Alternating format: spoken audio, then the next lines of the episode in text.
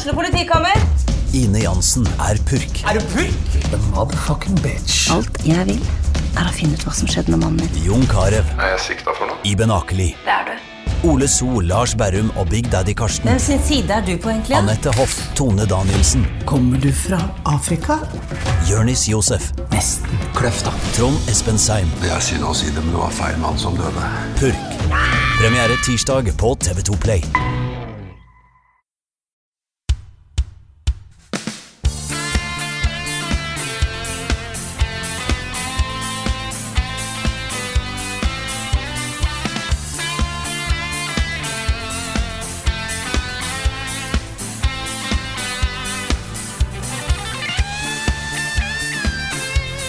Og velkommen til påskeepisoden av Level Backup. En årsid jeg alltid vil forbinde med det der jækla egga i Animal Crossing.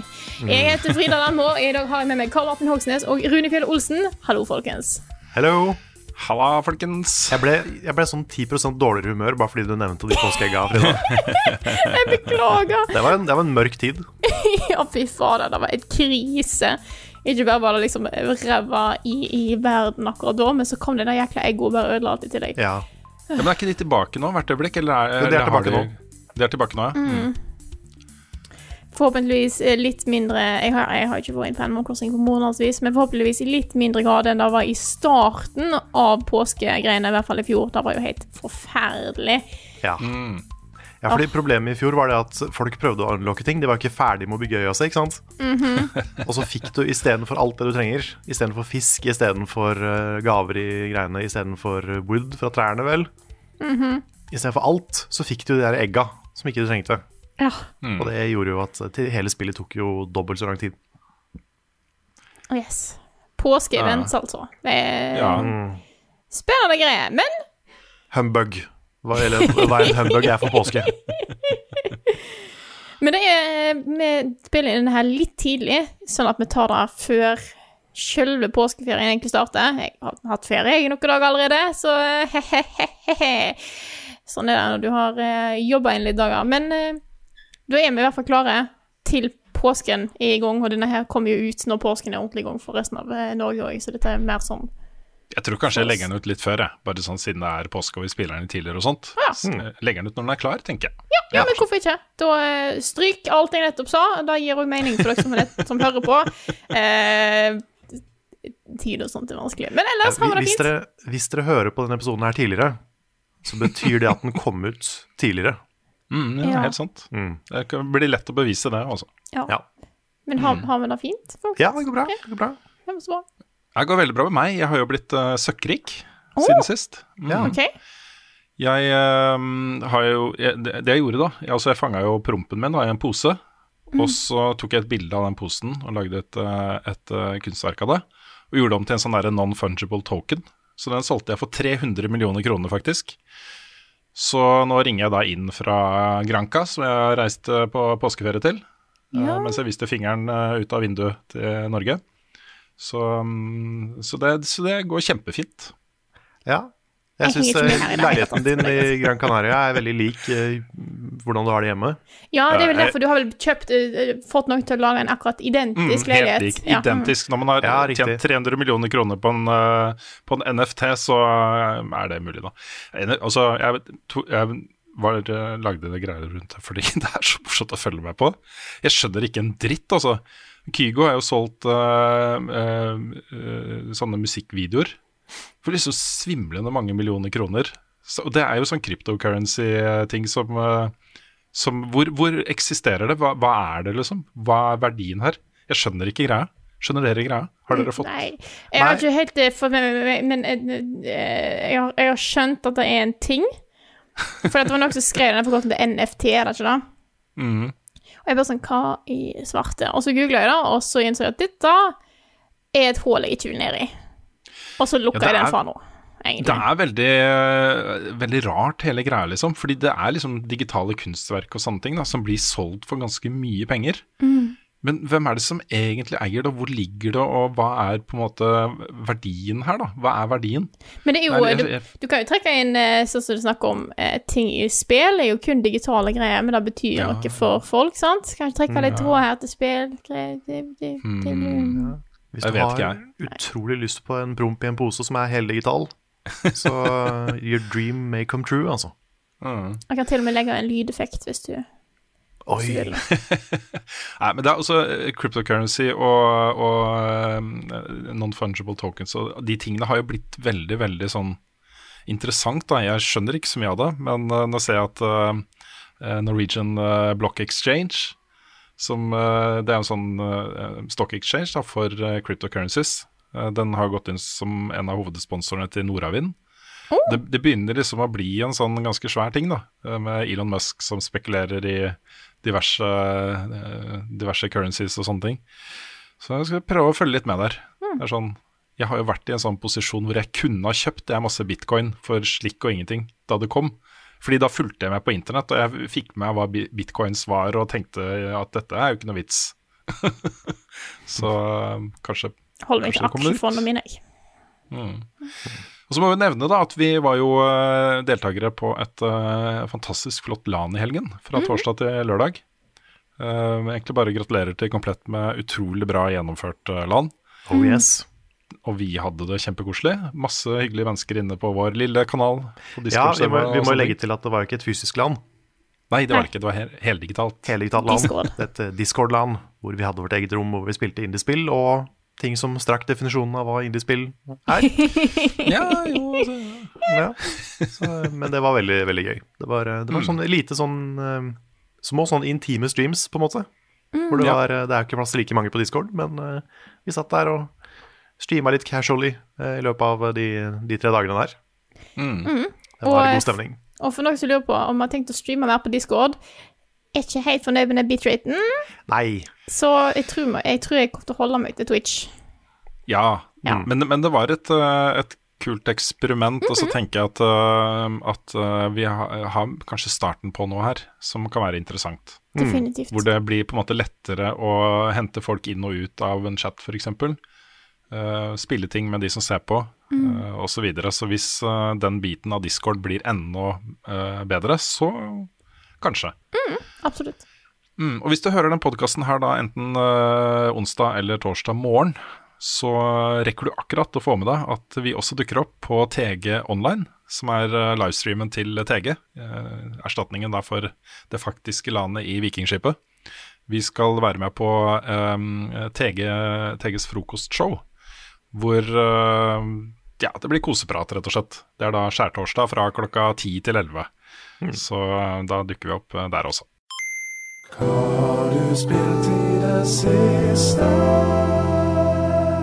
Da har Carl fått æren av å starte, for du har jo spilt det nyeste.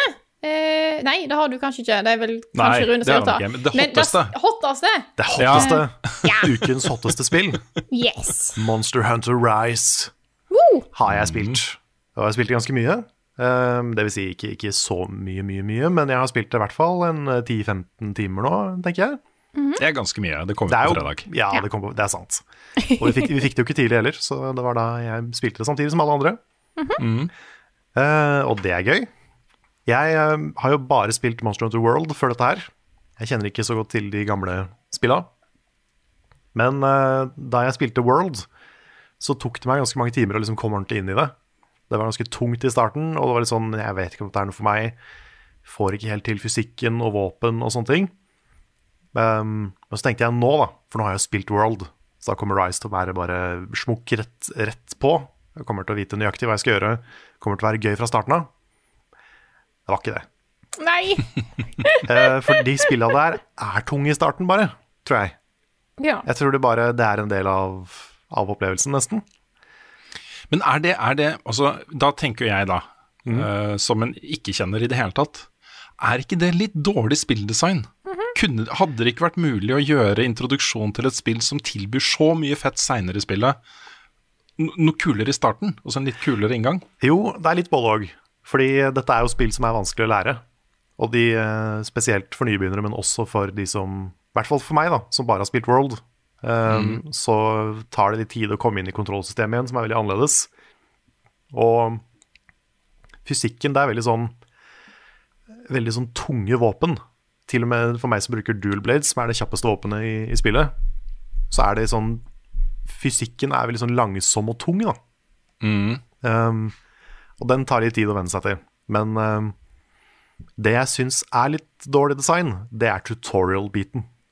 Ja. Fordi det er så mye tekst og så mye greier du må gjennom de første par timene. Og det er, jeg vet ikke hvor mange tutorial-skjermer som kommer opp med så mye tekst um, hele tida. Og det til de som tester ut Rise, da, så vil jeg bare anbefale å ikke bli skremt av alle de. Bare, bare kom deg gjennom de. Uh, det er ikke alt du trenger å lese. Det er nesten bedre å bare gå på YouTube og finne en femminutters uh, weapon guide, liksom. Mm, ja, for det var oppfølgingsspørsmål. Må man spille gjennom tutorialene? For de var jo en del av demoen også. Det var jo det jeg spilte i demoen. Og det var sånn øh, Ja, det er veldig mye greier Ja. Det er veldig mye greier. Um, men jeg ville ikke brydd meg for mye om det. Bare så, det er ganske mye av den teksten du kan skippe, og heller bare learn by doing Mm. and by youtubing. Uh, så kommer du lenger, vil jeg si, da. Og så kommer du opp- fortere i gang med spillet, og det er mer gøy. Ja, for jeg har et oppfølgingsspørsmål til, da. Fordi nå snakker jeg som en som er egentlig skeptisk, men nysgjerrig. Jeg har spillet. Jeg har lyst til å få den samme gleden som du har hatt med World. Ja, Eh, Jeg har lyst til å bli med liksom, på ting dere skal gjøre det spillet her etterpå. Ikke bli ekskludert fra det, da. Så jeg er Muligheten for at jeg spiller dette spillet, er til stede. Jeg vil ikke si den er stor, nei? men den er til stede. Okay. Så oppfølgingsspørsmål nummer to. Hvor lenge må du spille før du kan klappe hunden? Fordi det kunne man ikke i den demoen jeg testa. oh ja. Nei, det, det er vel ikke så lenge. Nei, ok, For det kan du vel gjøre på huben, tenker jeg. Ja, ok, greit. Jeg ikke- Jeg spilte bare tutorial-ting på demoen. Ok, ok. Nei, for jeg tipper du Jeg har ikke Jeg har faktisk ikke testa det, men jeg tror du kan klappe hunden på huben. Har du ikke testa det? Det er jo Det er, så, det er så mange knapper, og det er så mye, men jeg, jeg, tror, jeg tror det var en pet-knapp. Jeg tror det var det. Jeg skal ja, sjekke for det. Ja, for jeg har sett at du har fire eller seks eller noe sånt forskjellige pet-animasjoner for hunden. Ja. Jeg lurer på om det er sånn som i Det kan hende det er sånn som i World, at du må inn i gathering-huben for å kunne okay. gjøre det. Jeg er ikke helt sikker. Okay. Men, um, men uh, utenom starten på spillet, som er veldig treig, og det, det var den i det forrige òg, så er jo dette her fortsatt Monster Hunter. Det er fortsatt dritstas. Når du først sitter, så er det få ting som ligner, på en måte. For det er en tung læringskurve. Veldig rar fysikk, det er mye du må venne deg til. Men når du først gjør det, så får du jo virkelig den der Shadow of the Colossus-følelsen av å eh, prøve deg mot helt sånne ridiculously svære monstre som tåler så mye, og som du må slåss mot eh, på mange forskjellige arenaer i løpet av én fight. Du må liksom jage de gjennom en, en verden, og så finish the job, rett og slett. Eh, og det er jo gøy, sånn. Og det blir jo mer og mer og mer gøy. Jo bedre du blir, jo bedre sæsj du får. Eh, du kan jo bruke deler fra monsteret til å lage nye armor set, og mange av de er kule. Ja, for det, det er sånne ting som, eh, som eh, jeg blir intrigued av, liksom. Ja. Dette syns jeg er Ja. Ja, fordi hvis du, kick, hvis du kicker på den loopen, Mm. så er Monster Hunter noe for deg. Det er bare det at det tar litt tid å komme seg inn i. For jeg, jeg, jeg, spilte jo litt Monster Hunter eh, World og syntes det var kult, men det var vanskelig å komme inn i, og det er nok akkurat det Mm. du ser at det er litt tregt. Men jeg prøvde meg jo på nytt på en måte med Dauntless, og da spilte jeg jo ganske lenge, så jeg tror egentlig dette er noe for meg, så jeg har det installert. Jeg skal Ja, for det i dag. Ja, for jeg- jeg, også testa jo litt Dauntless, uh, men det ble, det ble liksom ikke helt det samme for meg etter å ha spilt Monster Hunter. da. Nei, det kan jeg forstå.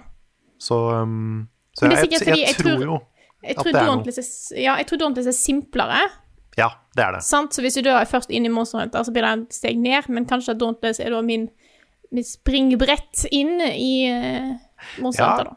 Jeg tror Dauntless kan være et litt sånn gateway drug for folk til, uh, til Monster Hunter. Og det Ja, Rune rekker opp hånda.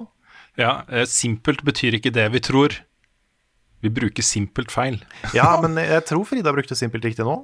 Som i, som i mer sånn tarvelig, eh, dårlig kopi? Eller enklere? Jeg vil si at Dauntless er en litt sånn, litt sånn uh, lett kopi av. Ja, for Simpelt betyr liksom hvis, det er, hvis ting er kjipt, liksom. Så skikkelig skikkelig ja, kjipt. sånn, ja. Ja, sånn, ja. Ja. Mm. Da kaller jeg det heller en minimalistisk eh, Ja, Ja, for, meg, Nedstrippet. Nedstrippa. for, fordi for meg så ble det litt for simpelt. Ja. Men, eh, så, så jeg var sånn sett enig, men, men ja. ja, da brukte jeg da feil. Eh, takk, Rune. Ok, ok, ok. Men um, hvor var jeg? Jo, um, den loopen, det er jo det som er Monster Hunter. Det å få bedre gear, prøve seg mot nye og farligere monstre. Og til slutt så er det jo kule fights. I starten så er det litt sånn Både fordi du sliter, og fordi monstrene skal ikke være for vanskelig i starten. Uh, så da kan det være sånn her, ok, dette er jo Føler at jeg bare masher knapper for å ta ut et monster, men etter hvert så blir det mye mer av de der intense kampene, da som er ordentlig gøy, spesielt i eh, multiplayer. Jeg har ikke testa multiplayer av dette her ennå, fordi det skal vi gjøre kanskje i morgen. Så det blir gøy. Men, ehm, men hvis du kommer over den terskelen, litt som det er med Souls, så blir du mer og mer gira på spillet, altså. Og jeg ble jo litt, også litt skuffa i starten, fordi dette er jo ikke like pent som World. Dette er jo på Switch. Men det er overraskende pent for å være et Switch-spill. Monstrene ser dritbra ut. De ser ut som det er samme modellene som de har brukt i World og, og, og sånn. Um, og så liker jeg litt at områdene er mindre. Fordi i World så var de veldig svære. Og det var fort gjort å liksom bli, bli lost, og det var veldig mange veier til veldig mange forskjellige steder. Her er det mye mer avgrensa områder, eh, som betyr at du kommer fortere til fightene. Pluss at du ikke mister den der eh, følelsen av å liksom jage de rundt omkring i en verden, da. For det er fortsatt stort nok til at du kan gjøre det. Pluss at det nye her er at du har mye mer fancy uh, movement-system. Du har jo en sånn Spiderman, uh, nesten sånn grappling hook, som du uh, kan bruke overalt. Og da kan du slenge deg fram og tilbake og rundt omkring. Du har nye typer attacks som bruker den Oh. in, in fights. Det er kult. Um, og du har jo da The Dog, som du hele tida kan ri på. Um, og da komme deg ganske kjapt fra A til B. Så um, det hjelper en del, altså. Det å få liksom Fordi hunterne dine er jo ofte veldig sånn tunge og treige. Så det å ha en eh, fast, eh, fast option, det er veldig bra. Men jeg vil anbefale folk å bare liksom være litt tålmodig de første timene, for det tar litt tid, og det er litt sånn trått i starten. Du kommer til å hate det i starten, sannsynligvis, hvis ikke du har spilt veldig mye annet som ligner. Men, eh, men den terskelen er verdt å komme over, altså. For det blir så bra. Det var sånn, Jeg likte ikke I World så likte jeg ikke de første sånn seks til åtte timene. Da var jeg litt sånn, Det var ikke det at jeg hata det, men jeg bare syntes det var litt kronglete. Og så elska jeg de neste hundre, liksom. så det er jo en investering sånn sett. Det å bare hvordan- lære seg det. Men er det seks til åtte timer her òg, eller er det mer eller mindre? Nei, det, jeg begynte å kose meg litt tidligere nå. Men det er nok fordi jeg også kunne en del fra World, da. Men uh, det jeg anbefaler, er å finne et våpen man syns ser kult ut. Kanskje Ja, se en da- YouTube-tutorial på det, og lære seg det. Og så bare sette i gang. Ja, for hva vil du anbefale eh, nybegynnere å starte med av våpen? Fordi eh, Det, det testa jeg litt forskjellige ting da i Demon. Og i World, eh, for så vidt.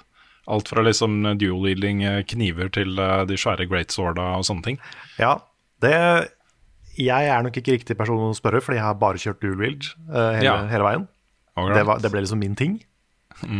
Men ut fra det jeg har hørt, da, så um, finn et eller annet du syns ser kult ut, som føles kult, liksom. Hvis du er en uh, svær, massiv hammer-person. Hvis du liker å kjøre Dragon Tooth eller eh, Fume Ultra Greatsword i Souls, så kanskje gå for et av de svære. Og Ja, fordi, ja, jeg, men vi så jo på dette her på en eller annen stream. Uh, jeg husker ikke, det var vel forrige uke. Jeg fant ut det var en ting som heter Switch Axe, var det ikke det? jo, den har jeg hørt mye kult om. Ja, så den har jeg tenkt å teste ut. Fordi Nice. den er både stor og kul. Ja, Fordi Og det er jo, dette er jo en serie som er kjent for de svære våpnene sine. Mm. Så du har jo longswords er jo sånn Sephiroth-lange, liksom. De er jo lengre enn deg. Og du har jo da også sånne svære, feite våpen og forskjellige typer gunlands og range-ting. Jeg har alltid kjørt melee, så jeg vet ikke helt om range det er noe for meg. Men, eh, men ja, det er mange forskjellige måter å spille det på. Jeg så, jeg så så vidt på en stream med en som brukte et helt annet våpen til meg, og det var jo et helt annet spill. Ja. Du må tenke så annerledes, og han kjørte range, da. Og det ble jo helt andre fights. Så det også er jo litt kult, da. Så, mm. men jeg har hørt at uh, Sword of Shield er en fin nybegynner uh, et fint nybegynnervåpen. Dual wielding er også det. Det er derfor jeg valgte det back in the day. Og jeg lurer på om longsword også er sånn OK for nybegynnere. Ok. Men uh, det er mulig å lære alt, altså. Så hva enn du syns ser kult ut, give it a go. For det er, dette er et dritkult spill. Jeg ser det er mange av de jeg følger på Twitter, som uh, elsker det. Det er, eh, det er mye sånn varm buzz rundt det spillet akkurat nå. Mye gode anmeldelser og sånne ting. Så uh, jeg har en følelse at dette kan bli et eh, ganske viktig år eh, for Monster Hunter. Og et viktig spill for eh, 2021. Oh yes. Jeg er imponert over hva de har fått ut av Switchen, altså. For Det, er jo, det var jo det som var grunnen til at ikke jeg var så hypa på dette her. For jeg tenkte at det kommer jo ikke til å klare å leve opp til World. Men eh, det har gjort en ganske god jobb med det. Og um, jeg gleder meg til å teste det i multiplier. Jeg håper at vi får, eh, får til det enten i morgen eller en gang snart. Yeah. Fordi Nick er med, og Frida er med. Og -hmm. så har vi Rune på en veldig forsiktig kanskje. Ja, kan man være fire? Ja, man Ja. kan være fire. Fire er maks. All right. Hva skal til da for at jeg skal joine dere i multiplayer? Må jeg spille gjennom singleplayer-delen først? Nei, nei, nei. Du får, du får tilgang til multiplayer-questene ganske fort. Ok. Du må nok gjennom de tunge tutorial-bitene helt i starten. Alright. Hvis du bare skipper litt der, og heller bare la meg være din tutorial, så, så kommer vi i gang ganske fort, altså. Ok. Ja, jeg skal vurdere det. Jeg skal vurdere det. Jeg skal gi det en seriøs um, runde i uh, nøtta. Det er, det er bra. Mm. Så um, bare til alle dere der hjemme som er nysgjerrig, det er tungt i starten, men it gets better. Jeg lover. Mm. Så det. Ja. Er det noe mer du har lyst til å ta opp før vi går videre? Ja, så jeg har jo spilt andre ting. Um, kan jo kjapt nevne at jeg testa Curse of the Dead Gods på online-streamen eh, forrige uke. Ja. Ja. Det var veldig kult. Det hadde jo en annen dodge-knapp enn det Hades har. Å, ja. Samtidig som det ligner veldig på Hades, så det forvirra huet mitt veldig hele tida. Men jeg klarte to dungeons etter hvert, så det kom seg. Og det var et veldig, veldig veldig kult Rogalight-spill. I starten så var det veldig likt Hades, sånn nesten nøyaktig det samme spillet følte, føltes det som. Men det endra seg litt etter hvert når man så upgrade trees og sånne ting. At det er fortsatt mer kanskje prega av tilfeldigheter. At ikke du får så mange permanente buffs, da. Det er mer sånn du får sjansen til å unlocke ting. Litt sånn Binding of Isaac, uh, Dead Ja, okay. Cells-opplegg. ja. Um, jeg har ikke testa det så mye mer etter det, men uh, godt, godt førsteinntrykk. Selv om det er litt vanskelig å spille det når jeg vet at Hades fins. ja, jeg ser den. Den er litt sånn tricky, men, uh, men det er et, absolutt et bra spill. BAFTA for årets uh, beste spill til uh, Hades, faktisk. Det er sant. Det er sant. Det er et fantastisk, fantastisk spill. Så veldig fortjent. Men da kan noen andre få lov å ta over hvis de, hvis de vil. Ja, angående nye spill som har fått eh, god kritikk, Rune. Har du lyst til å fortsette? Ja, jeg må jo begynne med Narita Boy! Narita boy. Ja, det er så herlig med måten de sier det på, for når liksom logoen kommer opp, så sier de alltid det, da. Narita Boy! Dette er jo et, et, et eh, spansk indiespill. Um, eh, laget som et slags sånn kjærlighetsbrev til 80-tallet og um, dataspill og uh, kultur fra den tiden, liksom. Et uh, sånt tilbakeblikk. De sier jo rett ut at de er inspirert av Ready Play One. Ja. Så det er litt eh, festlig. Eh, men det, jeg spilte jo den demoen som kom eh, tidligere år på, på Steam. Og har ikke kommet sånn veldig mye lenger enn jeg gjorde i den demoen. Men de har gjort et eller annet, de har skrudd til spilleopplevelsen, fordi jeg knota litt i demoen. Men jeg skjønte ikke helt hvor jeg skulle og sånne ting, men nå er det mer sånn smack, smack rett på. Uh, og jeg forstår liksom nå endelig at dette er først og fremst et Metroidvania-spill, ikke et uh, uh, sånn Rogalight eller et eller annet. Det er først og fremst det. Ok, kult. Og det er noe med estetikken her også som er bare så utrolig kul. Fra den derre også De har jo eh, gjenskapt sånn CRT-monitor, eh, liksom bua kanter på selve skjermen. Så du, det, spillet fyller ikke hele skjermen. Du har en sånn liksom bua kant rundt. Så det føles litt som du sitter og ser på en sånn CRT-monitor. Eh, og så er det eh, alt av liksom farger og eh, generelt design er liksom rett ut av 80-tallet. Og det jeg syns er så innmari kult med dette spillet her, er at jeg, hus jeg husker jo hvordan det var å leve i en verden uten, uten internett. uh, hvor uh, Ok, internett eksisterte som et konsept og som en sånn akademisk ting, uh, og var på en måte utbredt nok da, til at vi fikk cyberpunk-litteratur og uh, neuromancer og masse sånn Altså det ble mye romantisert, det her å reise inn i cyberspace, og eh, folk så det litt som en sånn mystisk annen verden hvor man kunne leve digitalt, liksom. Hacke seg tilbake i tid, da. Ja, og så litt den der følelsen kommer litt tilbake når man spiller dette spillet her. Eh, For det er jo faktisk det som skjer. Det blir da utvikla et spill eh, som heter Narita One. Eh, og inni det spillet så er det en skapning da, som begynner å leve sitt eget liv og tar over ting og sender ut uh, ond kode og sånne ting. Og så er det da en spiller av dette spillet som blir transportert inn i uh, denne verden for å fikse opp ting. Så du, du er i cyberspace, du er i spillene, og du slåss mot liksom programsnutter og litt sånn The Matrix-type stil. Um, og det, det, er bare, det er bare så fett, altså. Musikken og estetikken og alt. Det er, det er så fett, det spillet. Jeg koser meg så sjukt mye med det. Så Kult. mm. Jeg skal prøve å komme meg gjennom og få lagd en anmeldelse av det også, fordi det er det, det, er det verdt. Det er uh... Mm. Det, um, jeg har hatt litt sånn Metroidvania-itch i det siste, så kanskje jeg skal teste det. Anbefales også. Det er uh, masse, masse flott, uh, om ikke humor direkte, så er mye sånne kule sekvenser. Sånn skikkelig stilige. Jeg vil egentlig advare også, da, fordi det er mye sånn blinkende lys og sånt. Så hvis du har eh, epilepsi eh, og sånt, så, så vær litt obs på det. Mye blinkende strobelys og, og sånne Ja, ting. apropos. eh, jeg hørte fra de som har testa det der nye Ballon Wonder World, at siste bossen der er jo faktisk farlig uh, Ja. for epilepsi, epileptikere. Det har blitt patcha, tror jeg nå, men bare pass på at man patcher det i så fall, hvis man uh, Ja. sliter med sånt. Altså det jeg testa, men jeg, det stopper jo ikke der. Jeg har også spilt uh, starten av Genesis Noir, som jo er et spill jeg anbefalte for deg, Frida, for noen uker siden. Jeg har det på lista. ja. Og det, det spilte jeg jo på den uh, komplette uh, LAN-tingen. Stemmer, da var jeg med. Mm. Det også var veldig veldig kult. Også. Her har du jo tatt utgangspunkt i, eh, i um, uh, hva vi vet om verdensrommet og universets uh, skapelse og sånne ting. Big Bang og eh, hvordan sorte hull eh, påvirker det rundt seg. Masse sånne ting. da Blanda det med skapelsesberetningen i Bibelen. og lagd en litt sånn der film noir-lignende uh, mysterie. da Ja. Med En morder og Det er på en måte universets skapelseshistorie framført som et detektiv noir. Det er veldig kult. Veldig, veldig kult. Ja. Ja, det er kjempestilig. Konseptuelt veldig, veldig sterkt. Og så sto jeg fast på en eh, puzzle eh, der som gjør at jeg måtte bare avslutte uten å komme videre. Så jeg vet ikke hvor, eh, hvor godt det er skrudd sammen hele veien gjennom, da. Men i hvert fall opp til det så var det jo bare veldig, veldig stilig spill.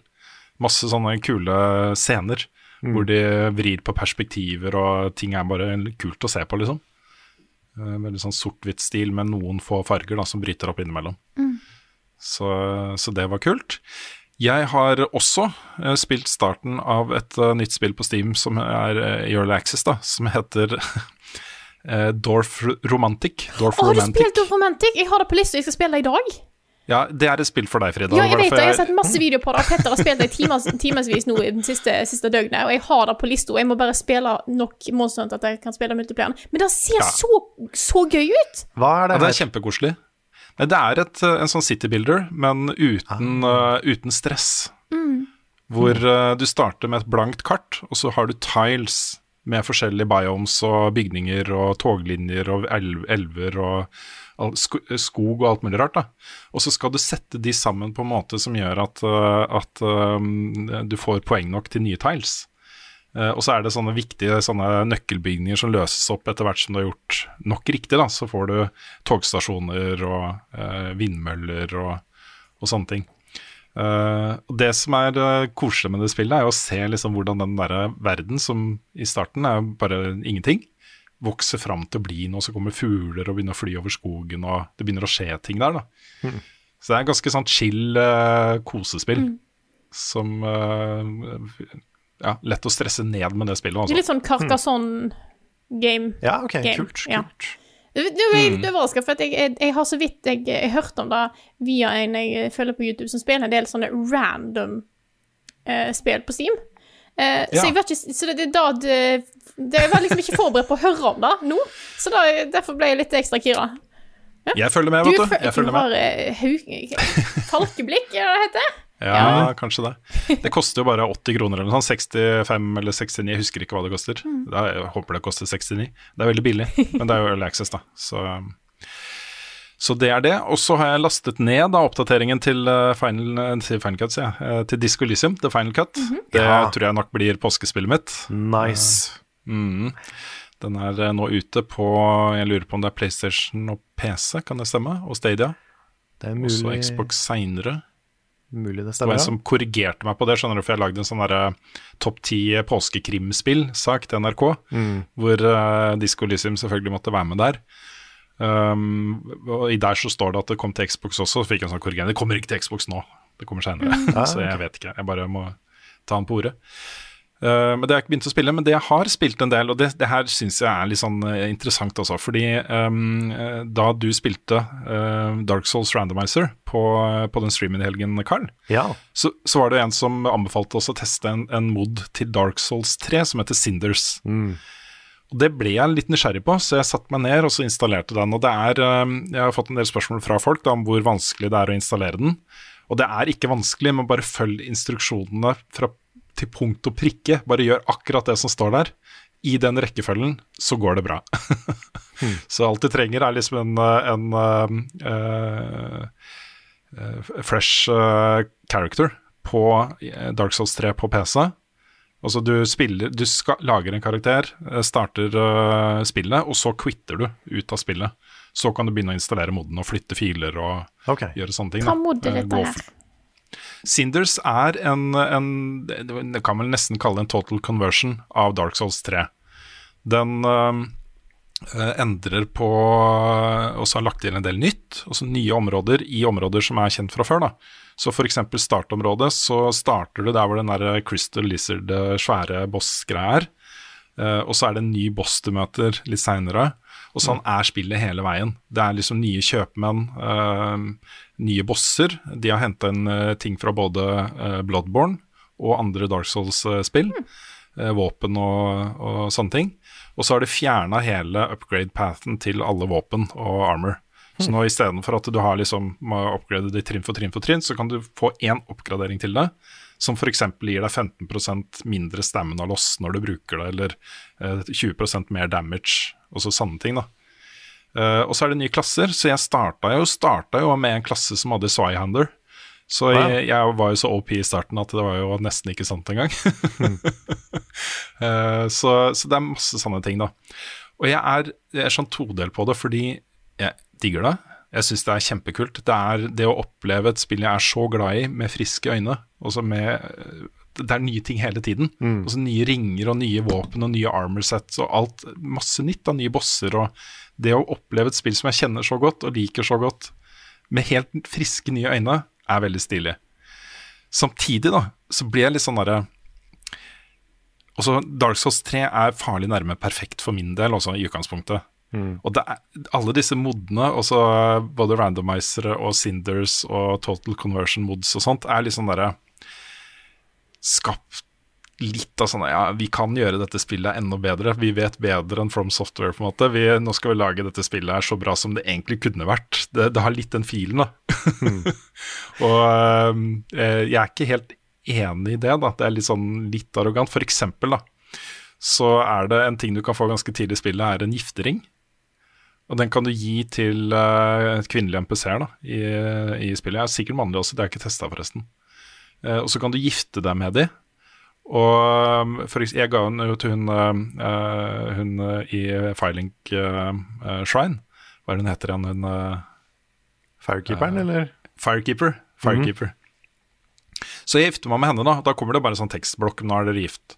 Og så da neste gang jeg snakker med henne, så kunne jeg velge å flørte med henne eller å seduse henne. Det er, dette er sånn derre Ja. Det passer ikke til spillet, liksom. Nei. Og så uh, testa jeg da Seduce, ikke sant. Og da kommer det en sånn lydeffekt som er noe sånn som plonk. Og så blir du transportert til en fengselscelle hvor det er, det er et kjempetrangt og et svært monster du må slåss med, som har masse masse HP og sånne ting. Og så dør du, da, så er det tilbake. så okay. det er liksom en del sanne ting som er litt sånn eh. Men uh, ellers så er det en veldig veldig god mod. Altså. Det, er, uh, det er ordentlig stilig å se uh, det spillet her på nytt på den måten, hvor alt er uh, bare justert litt. Også det er en remix på en måte av Dark Souls 3. Ja, ja fordi jeg, jeg spilte jo Randomizer, som du sa.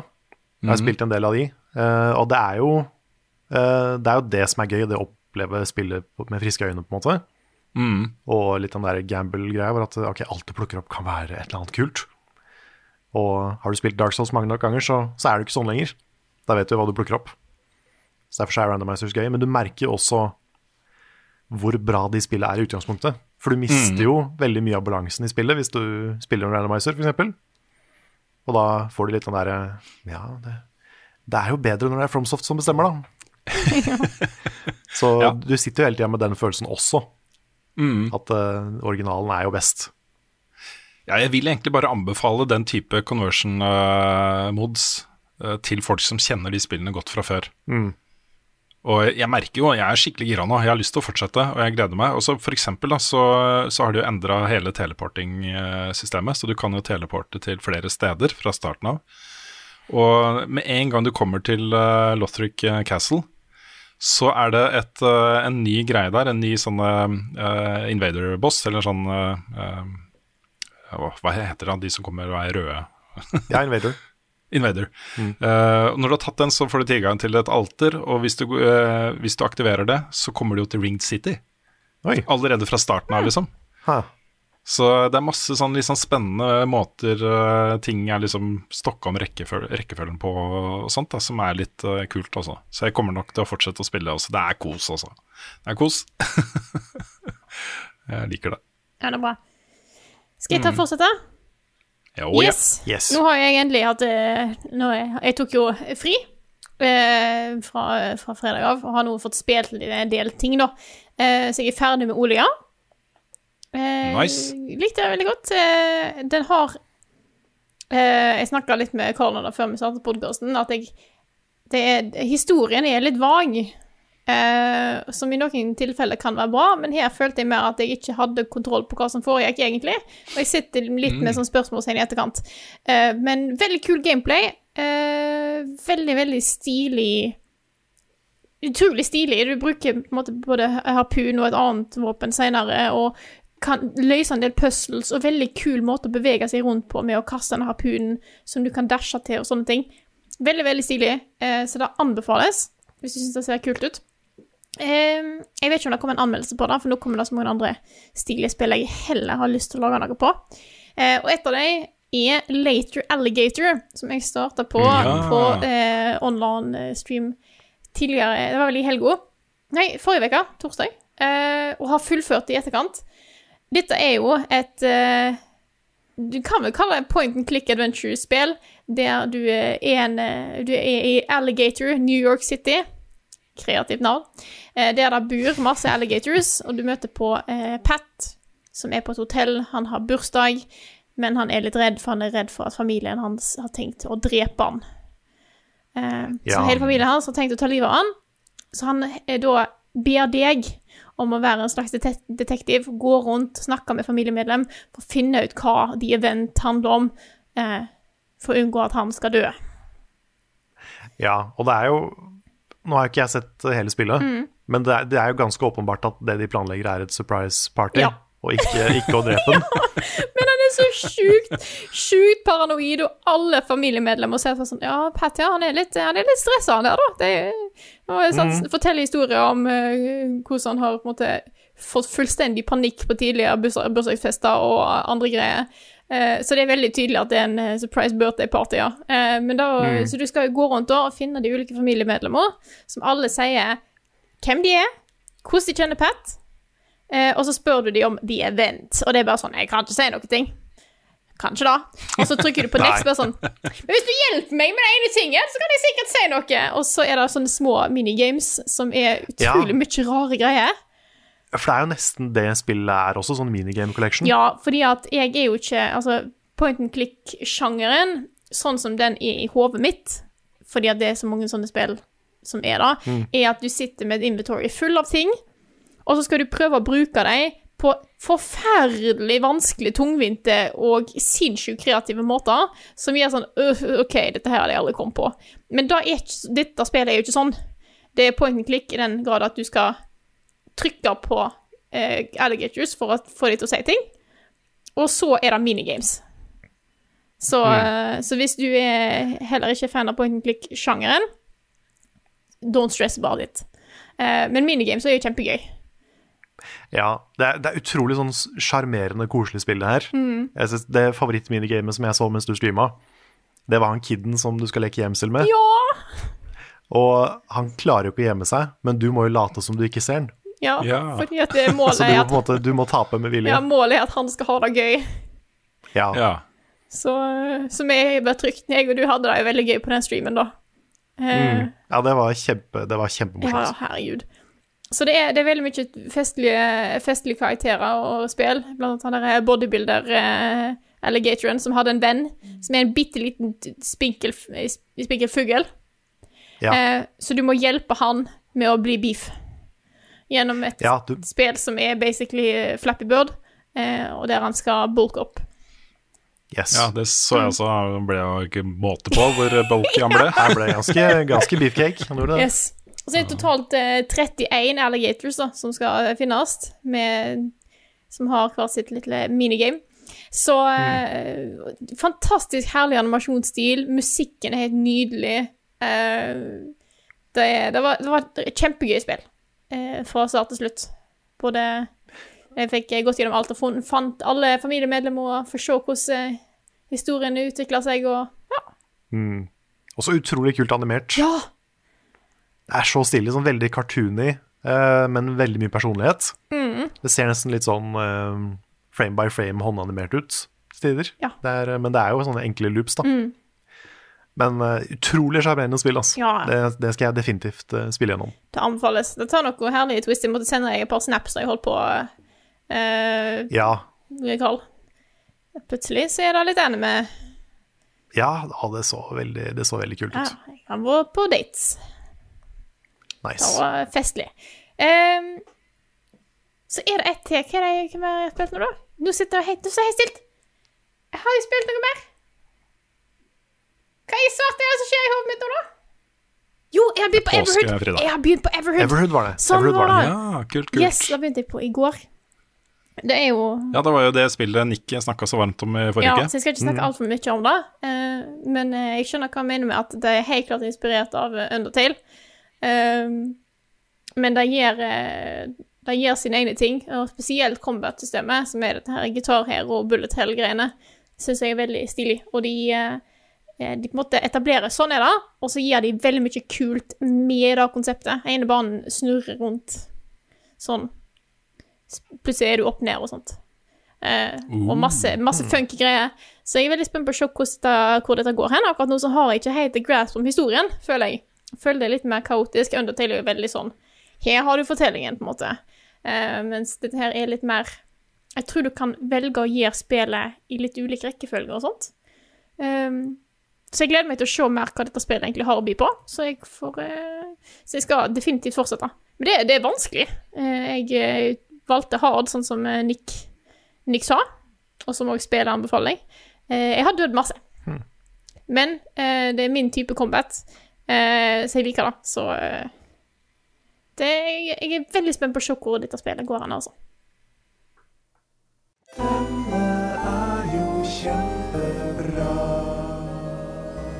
Ukens anbefaling. Vær så god, René. Ja, det blir TV-serier igjen, da. Eh, jeg, har lyst til å følge opp litt forrige ukes anbefaling. eh, for jeg snakka om eh, Atlanta, TV-serien til Donald Glover. Ja. Det var noen som kommenterte på Twitter at jeg bare burde glede meg til pianoepisoden i sesong to. Og Jeg ville bare nevne at nå har jeg sett den episoden, og det er helt sjukt, altså. Det er en helt kanonbra episode, så det var et veldig bra, bra tips eh, å komme der. Jeg bare anbefaler folk altså, å få med seg den serien igjen. Eh, den andre serien jeg også er innom sånn sporadisk, er um, eh, Freaks and Geeks. Som, Å, ja. som jo var egentlig der Judd Apatow og mange av de kjente, store komi, komi, komedieskuespillerne fra forskjellige ting eh, ble født. På, de ble ikke født der, men det var der de slo gjennom. Og Den serien er også kjempebra. altså. Den er kjempe, kjempebra. Den ligger på Amazon Prime. Um, kan anbefales varmt. Derfor du ser liksom Det er litt sånn tidlig, før Superbad og før alle de greiene som kommer, liksom, så var det Freaks and Geeks, og den er en kanonbra serie. Men min egentlige anbefaling det er en ny, uh, ny standup special på Netflix med en av mine favorittkomikere. Han heter Nate Bergatzi. uh, og han er litt sånn kongen av tørrvittighet. Det er veldig tørt. Sånne tørre vitser levert med en litt sånn derre understated uh, uh, tone. Altså det er, det er veldig sånn Det er mo utrolig morsomt, men tørt, da. Eh, og så er det jo ikke noe sånn her vitsing med, med kjønn eller rasisme eller altså det, det er ganske clean, da.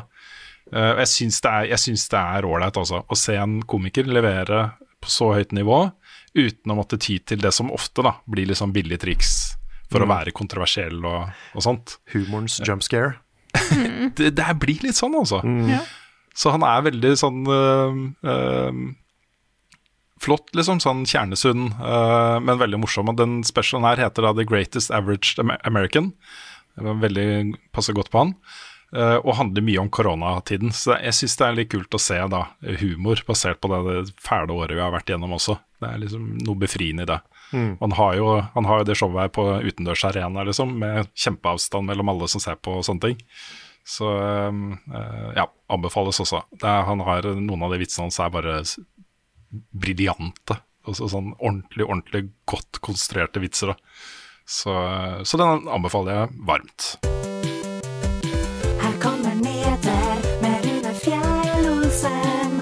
Han har ikke hår. Dette var jo et rykte som vi snakka om var det forrige uke, tror jeg. eh, som gikk på at eh, Sony planlegger å stenge eh, nettbutikkene til både PlayStation 3, PSP og Vita til sommeren. Nå har da Sony gått ut og bekrefta at det stemmer. Den 2. juli stenger de nettbutikkene, online-butikkene, til både PlayStation 3 og PSP, mens Vita-butikken stenges da 27. august. Og dette er Sånn i utgangspunktet så er det mange som tenker litt sånn som Sony tenker. Eh, og det de beviselig og uttalt i intervjuer gir uttrykk for, er jo at hvem er det som bryr seg om bakoverkompatibilitet og sånt, da? Hvem er det som har lyst til å spille? Også når vi har Gran Turismo 6, liksom, hva skal man med første Gran Turismo da? Det er litt det som uh, sjefer i Sony har sagt før. da. Det er helt tydelig at dette er ting de ikke bryr seg noe særlig om, fordi de tilbyr jo ikke den samme graden av bakoverkompatibilitet som det Microsoft gjør, f.eks. De stenger jo muligheten til å spille gamle spill på deres nye konsoller. Og dette er et uh, litt sånn der kulturhistorisk problem, altså. At, uh, at spill som har vært på disse plattformene til Sony, plutselig liksom blir utilgjengelige. Eh, mange av de har jo ikke fått eh, oppgraderte versjoner og kommet ut på nye plattformer og, og sånt. For eksempel så er det, et, sånn som jeg forstår det, forstår det, nå ikke lenger mulig når den butikken, PlayStation 3-butikken stenger, da, ikke lenger mulig å kjøpe den originale versjonen av det første Resident Evil-spillet. Og så, det, det her er kulturhistorisk viktig, da. Altså At man tar vare på den arven der. Så, mm, så her er det en stor uh, hake i eh, Microsofts side av kolonnen i krigen, liksom, som Junkato snakka om i spilluka for et par uker siden. Det at man kan gå inn nå på en Xbox Series X og spille Xbox 1-spill, Ja. det, det, er liksom, det har en verdi, da. Det er viktig. Det er uh, topp at det er mulig, selv om ikke det er så mange som bruker det. Det er sant. Det, er, det handler liksom om kulturkonservering, og det handler om eh, ja, det å bevare spillmediet eh, for ettertiden. Da. Og PlayStation 3 har jo en del ting som ikke man finner andre steder. Da f.eks. en eh, drøss med PlayStation 1-spill som er mulig å laste ned der. Legend of Dragoon er ikke lenge siden jeg kjøpte på PS3, sammen med Krono Cross. Da måtte jeg lage en amerikansk konto, for det ble jo aldri gitt ut i, i Europa. Mm, originale Demon Souls. Originale Demon Souls ligger der. Eh, Metal Gear Solid 4 får du vel bare tak i der. Så um, det er jo liksom Det er jo en del sånne perler som, som man da mister tilgang på. Så jeg håper de har Jeg håper de har en backup-plan At de planlegger en form for virtual console på PS5 eh, eller noe sånt. Ja. At det liksom biblioteket kommer tilbake, da. Jeg tror ikke de har det, skjønner du. Nei, jeg er redd for at ikke de har det. Jeg håper de har det. At, Ja. det, at det kommer et eller annet. For de har jo Det var jo den første PlayStation 5-presentasjonen, så hadde de litt fokus på backwards compatibility. Mm. Um, og de har jo sånn sett det med PS4, men det er vel fordi det ikke finnes så mange PS5-spill, først og fremst, kanskje, ennå. Mm. Um, men ja, de har jo malt seg litt inn i et hjørne med det at PlayStation 3 er så rar at ikke den eh, For å emulere den, så må du ha utrolig mye greier. Det der også er sært ute, fordi jeg, jeg, jeg fikk jo da tak i en av de første uh, PlayStation 3-konsollene, og den kunne jo spille PlayStation 2-spill native, da. Ja, Og så Ja, bare slutta de å tilby det. det er sant. Det er sant. Men de kan vel, kan vel fortsatt spille PS1-spill. Det kan vel alle. Ja, stemmer. Det stemmer. Men uh, PS4 stoppa vel alt. Mm. Den har vel ingenting av Nei. eh, Nei, nei, nei. Nei, men De har jo PlayStation Now, da, som, eh, som eh, jo det, det har kommet en del gamle greier på. F.eks. Jack and Daxter og Sly-spillene og litt sånne ting. Så den, det er jo flere av de Sony-klassikerne som, eh, som ligger der, da. Men um, ja. Uh, jeg syns ikke dette er noe spesielt kult, altså. Selv om, selv om jeg personlig nok ikke kommer til å savne PSPs-shoppen, liksom. Jeg kommer nok aldri til å gå inn på den og kjøpe noe. Nei. nei, PSP og Vita har jeg ikke brukt på lenge. Nei. Uh, men der også, ikke sant, det er spill. Uh, Crisis Core, uh, Final Fantasy 7 for eksempel, Mm. er et spill som bare var på PSP. Som også bare ble gitt ut, gitt ut fysisk, tror jeg. Så det er enda sjeldnere. Ja. Um, så ja, det er, det er synd å miste det, altså. ja jeg, jeg føler at vi da som en kulturredaksjon, det vi bør gjøre før disse butikkene stenger, det er å eh, ta en eh, PlayStation 3, så kjøpe de tingene som forsvinner. Og så bare ha det liggende på den konsollen, og så pakke den inn i noe vakuumtett eh, et eller annet. Bare ha den for fremtiden. Ja, PS3 er jo min favorittkonsoll å ta opptak og streame fra. Ja da, det har er jeg vist de siste gangene. Ja, har ja, det. det eh, Easy-peasy. Enten tre headset eller to PC-er, det er liksom, da er det eneste alternativet. Så. Men du fikk det til, altså. Jeg fikk det til! Jeg er faktisk imponert, for jeg har prøvd mange ganger og ikke fått det til. Ja. Det, var, det, det gikk. Nei, så vi, eh, vi eh, får tenne et lys for eh, de butikkene og mm. sende en, en kake til Microsoft for at de har vært så bevisste på dette her fra generasjon til generasjon. Det er uh, sterkt. Og en stein til Sony. Ja. Ja, og en, kanskje en, en halv stein og en halv kake til Nintendo. Ja. Fordi de er veldig flinke til å bevare de, men de skal jo hele tida ha nye penger for de. Ja, ja, det, Ja. Det, ja, det er sant. De får litt av begge deler. Mm. Nå vender da eh, Tiger Woods tilbake til spillenes verden, eh, men ikke hos EA. Eh, det er eh, eh, 2K som har fått en avtale med Tiger Woods og PGA, eh, Golf Tour, eh, om en, et nytt golfspill. Hvor Tiger Woods opererer som konsulent og sikkert også posterboy for eh, prosjektet. Det fikk jo eh, EA til å røre på seg ennå også, som jo ikke har gitt ut et eh, golfspill på seks år. Nå kommer de da også med et nytt golfspill. Det heter EA Sports PGA Tour, og er jo da uten Tiger Woods. det er mulig at den er spillbar i, i spillet, hvis de, skal, hvis de har rettigheter, liksom alle golferne i PGA Tour og sånne ting. Men uh, dette er jo en serie som, uh, som er kjent for å være veldig god. Også uh, Tiger Woods-serien hadde sånn kvalitetsstempel på seg som å være det beste golfspillet på markedet. Så syns jeg det er litt stilig da, at det blir konkurranse her mellom to svære utviklere og utgivere. Og så kommer jo. Mario Golf snart. Så, Ja, ja, for det, det hadde vært gøy hvis Tiger Woods liksom dukka opp der. ja. Ja, det hadde vært kjempegøy. Eh, og så en sak som er mer en sånn lite eh, glimt i eh, spillmediets øye fortsatt, men det begynner å nærme seg nå. Niantic har begynt å tease hardware. Nye AR-briller. Niantic branda AR-briller, som da skal funke med deres spill, og sikkert andre AR-opplevelser. Og dette er jo en teknologi som jo har eksistert lenge, og du har jo HoloLens-greiene til Microsoft, og det er andre som også jobber med eh, AR-teknologi i briller. Men dette er jo en teknologi som kan komme til å uh, ha ganske dramatisk effekt på um, uh, ikke bare mobilspill, men mobilteknologi. Hvor man da får overlay Man kan se verden, men man får en overlay som er en dataskjerm. Som man kan interagere med, som fungerer akkurat som en vanlig dataskjerm.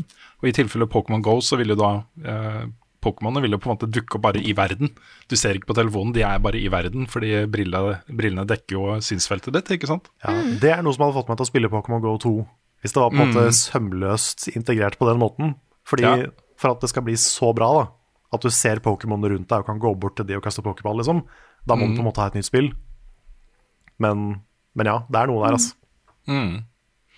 Så, så det er på vei. Jeg, jeg, jeg, I og med at de har vist bilder av den her, og det var jo sånn tett snitt, da, så du ser liksom bare Niantic-logoen og at det er en brille, så du ser ikke noe særlig mer enn det, og du har ikke fått noen detaljer om speks eller noen sånne ting.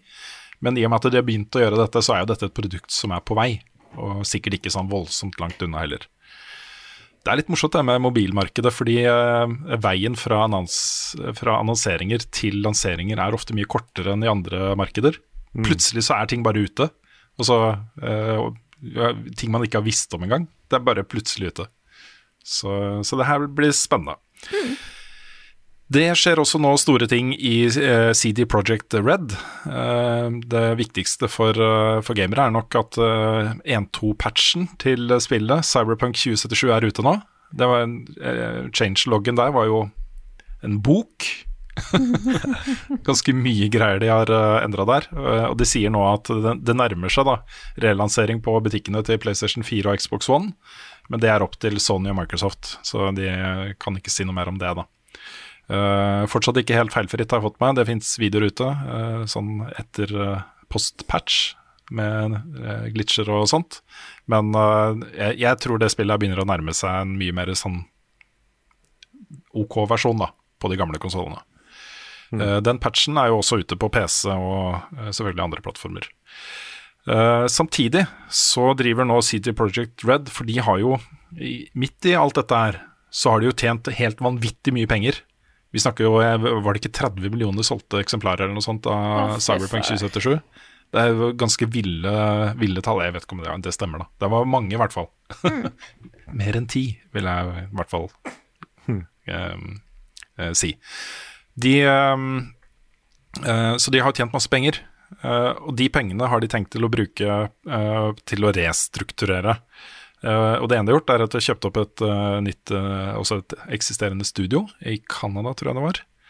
Um, og de skal nå begynne å utvikle Triple A-spill parallelt. Så de sier at de nå restrukturerer organisasjonen, sånn at de kan jobbe med tre nye, tre spill samtidig. Um, og det er jo en ganske stor skifte, for nå har du jo hatt liksom uh, The Witcher 1, The Witcher 2, The Witcher 3, Cyberpunk 2077, og så vet du ikke hva som er det neste, da. Men uh, de har liksom fulgt hverandre med sånn fem, seks, syv, åtte års utviklingstid, og det har liksom de har jobba bare med én ting om gangen. Nå skal de jobbe med flere ting samtidig. Jeg tipper da at uh, vi får nok se et nytt Cyberpunk og et nytt Witcher. Det er to av de tre konseptene, det vil jeg tro. Eh, og kanskje Ja, litt mindre har de ikke allerede annonsert at de har begynt å jobbe med Witcher 4?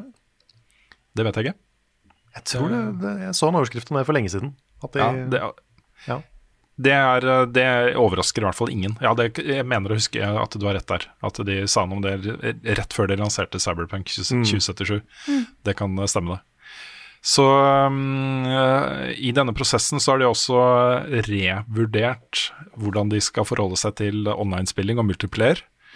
Og eh, det betyr at de dropper den eh, annonserte multiplayer-moden til Cyberpunk 2077 eh, går tilbake til tegnebrettet og skal heller utvikle det de kaller en plattform for online, som skal gjelde alle spillene de lager. Også det Online skal være mer integrert i spillet fra liksom dag én. Da.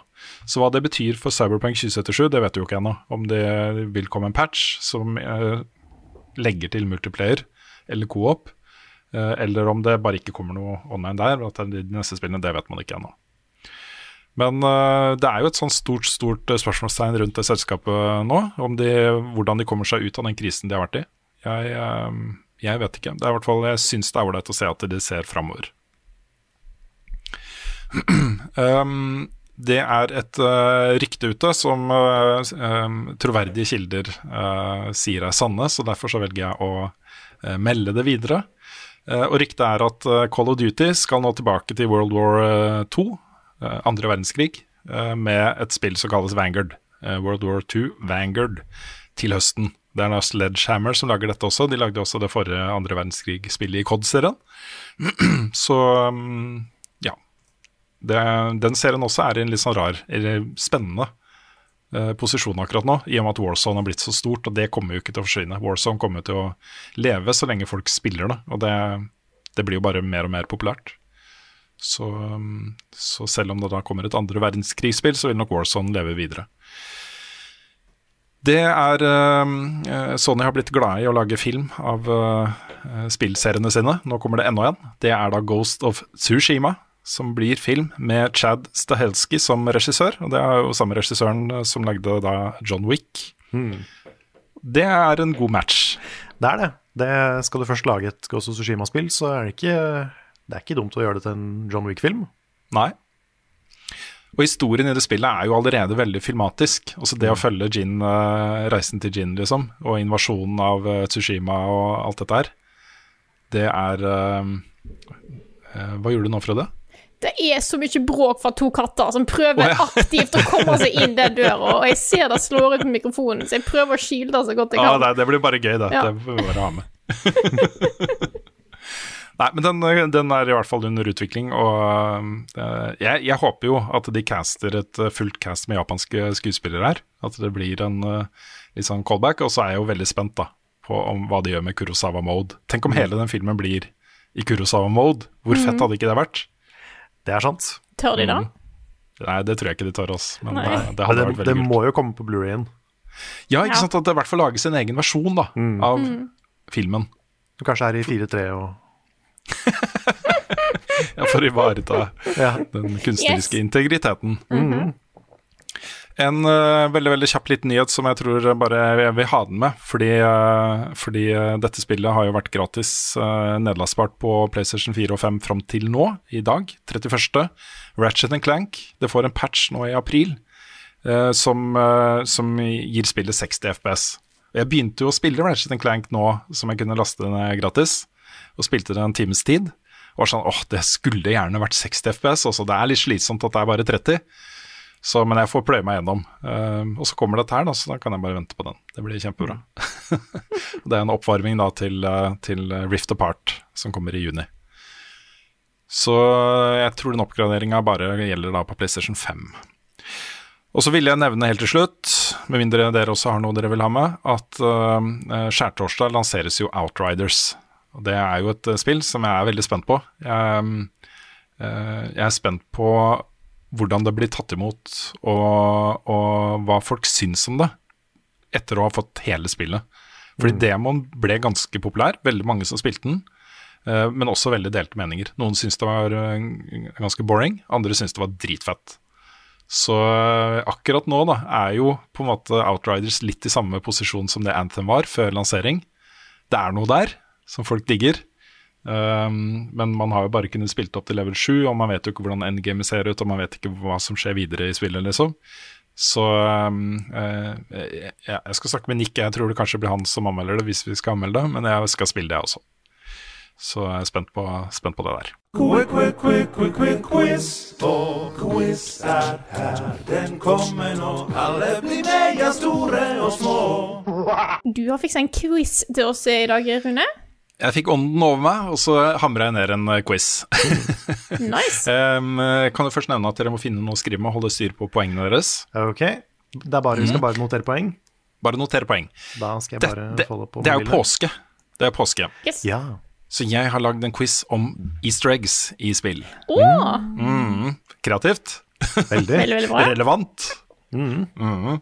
Så eh, har jeg også bygd opp en quiz som det er eh, Jeg har valgt å stille disse spørsmålene på samme måte som at på noen av disse her så er det mulig å gjette.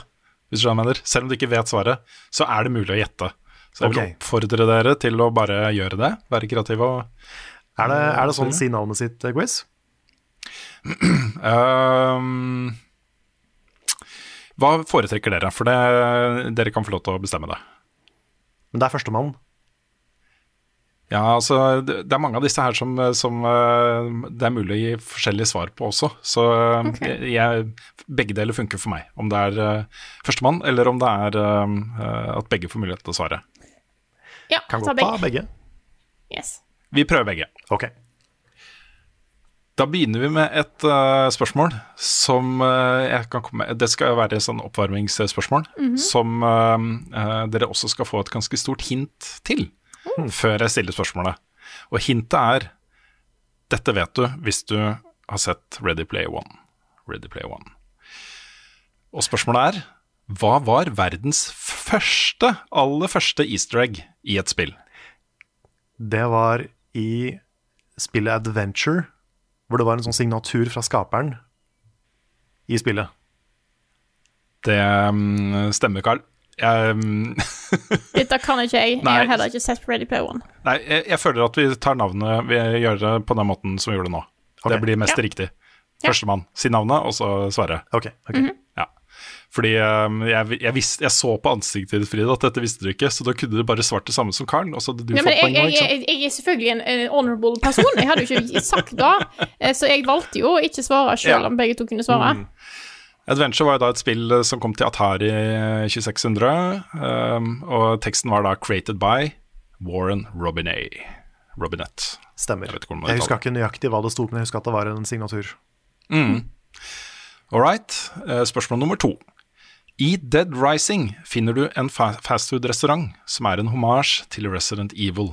Hva heter denne restauranten? Jeg eh, har ingen god idé, men nå vil jeg komme med et, et, et, tipp. At den heter noe med Umbrella. Det er feil. Jeg vet ikke. Ja, da, ok, men da skal jeg komme med et hint, og nå har dere også begge, begge muligheten til å si navnet deres på nytt. Ok, Um, når jeg brukte begrepet fastfood-restaurant, så var det litt for å forvirre. Det er, tenk på dere fastfood i litt vid forstand. Andre ting man kan selge ut av en sånn type liten restaurant. Over disk. nei, jeg har ikke peiling. Nei. Ok, dere kommer til å hate dere selv nå, for navnet på den restauranten var Jill's Sandwiches. Ah, Eh, så det var sånn, jeg, for jeg trodde du mente en restaurant som var en del av Resident Evil-universet. Å ja, nei, det er bare en homasj. Restauranten, Ok, navnet okay, på den var liksom Ja. Eh, ok, uten å spoile, her kan vi ikke spoile, i tilfelle det er noen som har lyst til å fullføre dette spillet. Eh, men uten å spoile, hva må du gjøre for å få den siste oppklarende biten av historien i Dead Space? Den siste oppklarende delen. Jeg har ikke spilt Dead Space. Har du spilt Dead Space? Nei? Nei. Eh, Dette er en sånn type quiz hvor spørsmålene og svarene er like interessante som om konkurransen, syns jeg, da. For det er Ja, mange ja, ja, kule ting her. Så da sier jeg det bare. Ja. Du må ta den første bokstav av hvert kapittelnavn. Ah, shit, det visste Og jeg jo egentlig. Det lager en setning som kommer med en sånn derre chilling uh, revelation. Funky. Ja, det hadde jeg hørt. Ok, her kommer det morsomste spørsmålet av dem alle. OK. I Gears of War 2 så er det et uh, level som heter Rolling Thunder. Hvis du spiller det på insane vanskelighetsgrad, altså høyeste vanskelighetsgraden, så kan du i starten der skyte tre cowboyhatter for å få din egen cowboyhatt på hodet. Når du går litt lenger ned i veien der, så spretter det opp en corpser, som er en sånn kjempesvær edderkopplignende monsterting, fra bakken. Og den har også på seg en cowboyhatt. Hva sier dette monsteret? Howdy. Ok, Frida, har du lyst til å Og jeg prøver å komme på noen gode quotes fra, fra gamle Clint Eastwood-filmer. Men det står litt stilt i hodet mitt nå, altså. Ok. Begge tar feil. Den sier jiha! Ja. Jiha! ok, Nice. neste spørsmål. Disse zombiene, headcrab-zombiene i Half-Life 2, de lager lyder. Og det høres ut som litt sånn gibberish. Men hva sier du hvis du spiller de lydene baklengs? Oi. Hva er det jeg sier? Oi. dette er bare easter eggs jeg ikke har hørt før. Det er kjempegøy! Mm. Uh, uh, Kan det være de sier Black Mesa? Nei. Nei. Har du lyst til å gjette, Carl? Før jeg sier, sier svaret? Howdy. Ja. Ja. Nei, de sier da faktisk 'God help, help me'. Oi! Det er kjempekult. Wow! Det er kjempekult. Den her tror jeg en av dere kan, okay. så det er bare å være kjapt ute. I Metal Gear Solid 3 har du en scene hvor Snake blir torturert av Volgen. Hva skjer hvis du lagrer rett etter den scenen, quitter spillet, og så starter på den saven? Oi. Da vet jeg ikke. Nei, det vet ikke jeg heller. Vet du hva? Da får du et helt nytt spill. Da våkner Snake opp i et slags sånn mar sort-hvitt mareritt i et spill som heter Guy Savage. Det er sånn der hack and slash-spill hvor du skal drepe vampyrer. Oh, wow! Det er så stilig, altså. Det er så fett. Jeg vurderte å ha med flere easter eggs fra Metal Gear Solid 3, men eh, da ble det litt for lett for eh, Carl. For eksempel så er det jo sånn at uh, hvis, uh, når du kommer til Boston The End, Ja, det hvis visste du jeg. Det visste jeg. lagrer spillet der, og så bare ikke spiller du på en uke, så har han dødd av eh, alderdom Ja. Nei! når du Jo. kommer tilbake. Og det er Han er en kjempe, kjempegammel mann, så han, eh, han har ikke så lenge igjen. Nei, det er veldig kult. Åh, Ok, denne her blir jeg veldig eh, imponert hvis dere kan. Eh, men det er mulig at dere har sett det et sted. Det er en alternativ slutt i Silent Hill 2, hvor du da først må fullføre spillet, og så plukker du opp en nøkkel i en park, og så går du til et rom i Darkside Hotel. Hva finner du der? Jeg har hørt at det er noe som heter the dog ending. Ja, Hvis det er svaret ditt, så får du et halvt poeng for den, Karl. Carl. Ja, for jeg, jeg vet ikke mer. Da får jeg et halvt poeng. Ok, noter det halve poenget. Ja. Der inne så står det en Shiba Inu på en sånn der, eh, svær sånn kontrollenhet og styrer alt som skjer i spillet. Ah, nice. nice. Det er kjempeherlig. Det er en slags sånn puppet master, en puppy master. Mm. Ok, den her er også morsom. Hvem finner du død ved siden av en høystakk i The Witcher 2, Assassins of King, Kings? Skal jeg si, jeg, Nå har jeg ikke sagt navnet mitt, men jeg vet det. Ja, Det er vel Altair fra Assassin's Creed, er ikke det? Det er helt riktig. Ja. Han ligger der ved siden av en høystakk. Da er jeg ganske festlig. Det er ganske festlig. Ja, kjempekult. Jeg har to spørsmål igjen. Ja.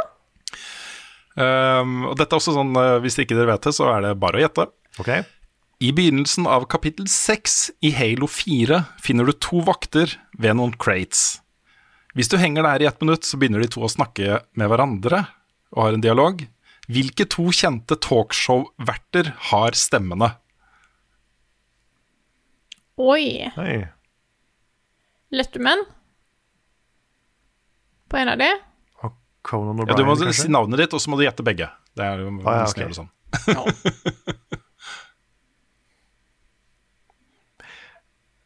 Carl? Ja. Da sier jeg Conan O'Brien og Letterman. Et halvt poeng til, uh, til uh, Carl. Ok. For det er jo da Con O'Brien og Andy Richter, altså Ah. hans sidekick, selvfølgelig, ikke sant. Ok. Oh, ja, ok. Uh. Ok, nå kommer siste, siste spørsmål.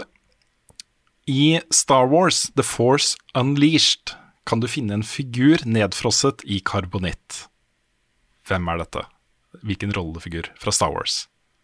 Dette er jo fra eh, filmene, hvor eh, du har jo Han Solo, mm. ikke sant? Ja. Det, er, det er ikke Han Solo, Nei, for jeg jeg går da ut fra at Nei, ikke det det er Hans Han Solo. Mm. Når er den serien satt igjen?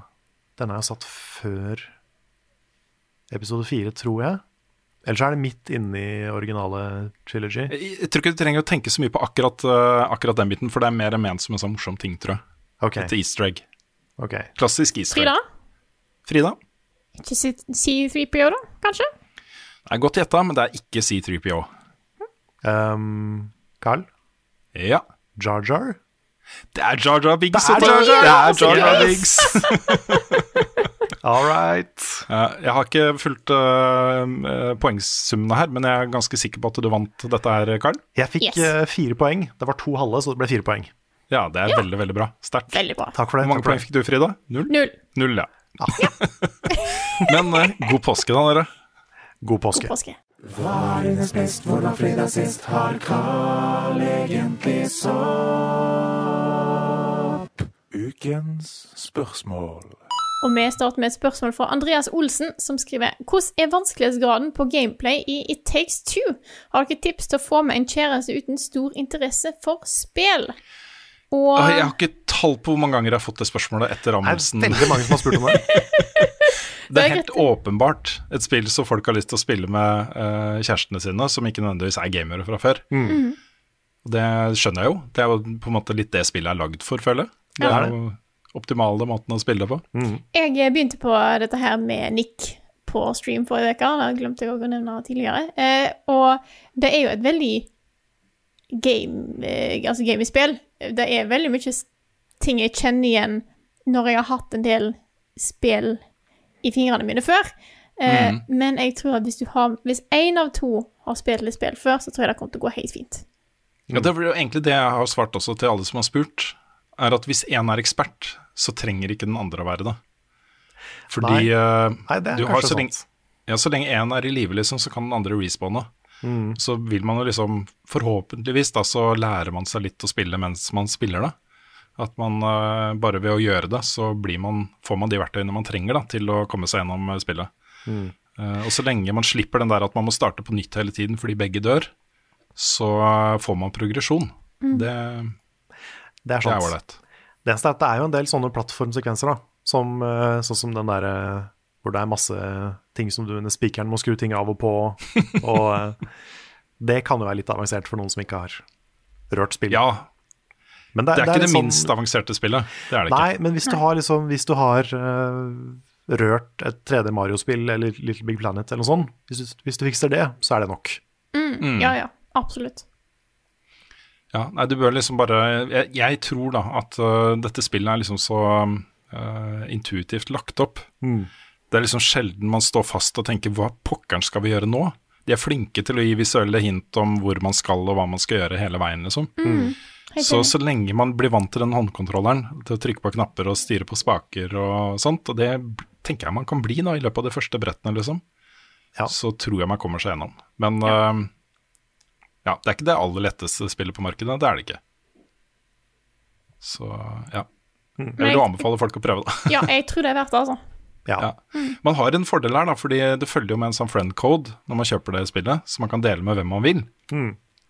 Det gjelder jo ikke hvis du sitter i samme sofa og spiller. Så hvis det viser seg da at eh, din bedre halvdel uh, ikke fikser det, så kan du jo bare bruke den koden og så finne en kompis eller et annet familiemedlem over nett, og så spille med de isteden. Det er et godt poeng. Og på Steam så var det bare for den andre å laste ned Friend Pass. Stemmer. Så det var veldig, veldig enkelt. Mm. Det er herlig spill. Jeg syns det har vært eh, ordentlig koselig også å se folk jeg kjenner og sånt sitte og kose seg med det spillet nå, siden det er lansering. Og eh, basically være enig med oss da, i at dette var utrolig gøy. Mm. Og det har det kjempemorsomt med det spillet. Og det, er, det var en ting jeg gleda meg litt til. Fordi det er et sånt spill som sprer sånn spillkjærlighet og spillglede og, og samarbeid og alle disse tingene. Også det er en veldig sånn koselig opplevelse. Mm. jeg Mm. gleda meg til at folk jeg kjenner skulle få oppleve eh, akkurat det. da. Jeg gleder meg til å fortsette med det med Nick. Mm. Jeg ser at andre anmeldelser er veldig sånn hit and miss på humoren. Noen syns det er eh, kjempegøy, noen syns det ikke er morsomt i det hele tatt. Ja. Eh, Sånn er det litt med humor eh, i spill. Mm. Men, det eh, men det virker som det er ganske, ganske bred enighet om at gameplayet er fantastisk. Det var en sekvens i spillet hvor jeg også følte at du og jeg var litt uenige, da. Ja. en, en sekvens som er veldig, veldig dark. For meg var det bare humor. Ja, for, for meg så var det litt vondt. Ikke sant? Men Mm. for meg så var det bare humor. Det var sånn mørk humor som jeg elsker, da. Ja, altså det var jo, det var jo humor for meg, men det, var så, det ble litt for fælt, på en måte. Ja, Mm. jeg skjønner, jeg skjønner hva du mener, altså. Mm. Jeg gjør det. Men jeg har jo hatt, uh, hatt kosedyr jeg har vært glad i og sånn. Så det, Jeg Og det, det har jo aldri jeg hatt, selvfølgelig. nei, nei, men eh, det er noe med å huske liksom, den følelsen av, av liksom, Ja. hvor glad man kan være i en ting. Mm. Yes, det skal vi, gå, skal vi gå videre? Det kan vi gjøre. Har dere noe annet på lager her nå? Ja, jeg kan ta et spørsmål, jeg. Ja. Det er fra Erik René Melnes. Carl spilte tidligere gjennom Kingdom Hearts-spillene i Hardcore-serien som en oppvarming til Kingdom Hearts 3. Er det noen sjanse for at dette kan bli tatt opp igjen på et tidspunkt med de resterende spillene? Uh, ja, jeg har egentlig bare lagt det midlertidig på hylla. Uh, tingen nå er at jeg må jo lage, må jo lage mer Minecraft først. Ja! Det må du. Det må du. Mer Minecraft, please. Så det, det kommer nok først. Kan ikke den serien bare hete mer Minecraft, please? Kanskje. Kanskje. Jeg, jeg er litt sånn fram og tilbake på hva den skal hete. Carl spille mer Minecraft, please. Ja, kanskje det. Det er morsomt, det. Mm. Det er noe sånt. Eh, men jeg kan jo nevne da, i farta, siden vi var inne på det, um, at nå har jo Kingdom Hearts kommet på PC.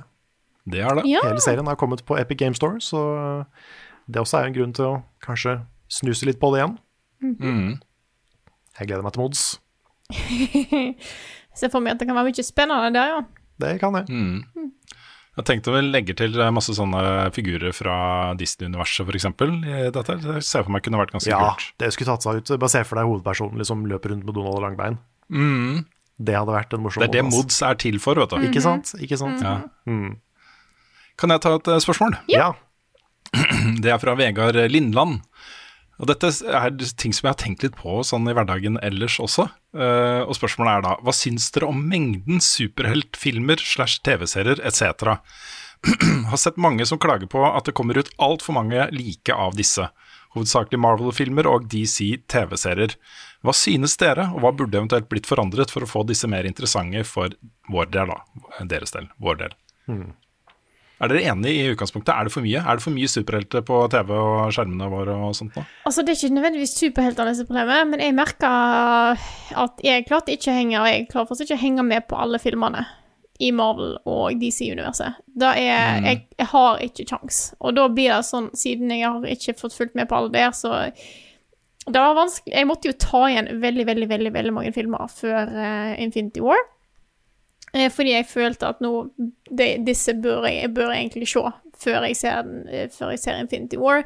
Og det blir veldig mye sånn. Det er veldig mye serier, det er veldig mye filmer. Og hvis du da ikke har tid til alle, så blir det sånn Å, men jeg så ikke den. Ja, da har jeg sikkert mista et eller annet, og ser jeg ikke den. Og så Siden alt er connecta, da. Mm. Mm. Så det er vel mer da for min del. Ja, for meg så er på en måte Marvel er, en, er tidenes høybudsjett TV-serie. Egentlig. Ja. Uh, så Ja, det er jeg, litt sant. For meg så funker Marvel litt sånn. Jeg ser jo alt når det kommer ut pga. det. At jeg vil liksom bare Mm. hjem og få med meg det nyeste som skjer. Um, men det er jo massevis av TV-serier um, som jeg ikke ser. Sånn, det er, jeg har nesten ikke sett noen av DC-seriene. Det er mange av DC-filmene jeg ikke har sett. Uh, og det, det, det er jo superhelter i hu og ræv, så jeg skjønner jo at folk er lei. Men samtidig så er det sånn, jeg må jo ikke se de. Jeg må ikke se alle. Jeg Nei, kan det jo- er litt sant. Jeg kan jo bare se de Marvel-filmene jeg har lyst til å se, og så ser jeg noen DC-filmer hvis jeg føler for det. Mm.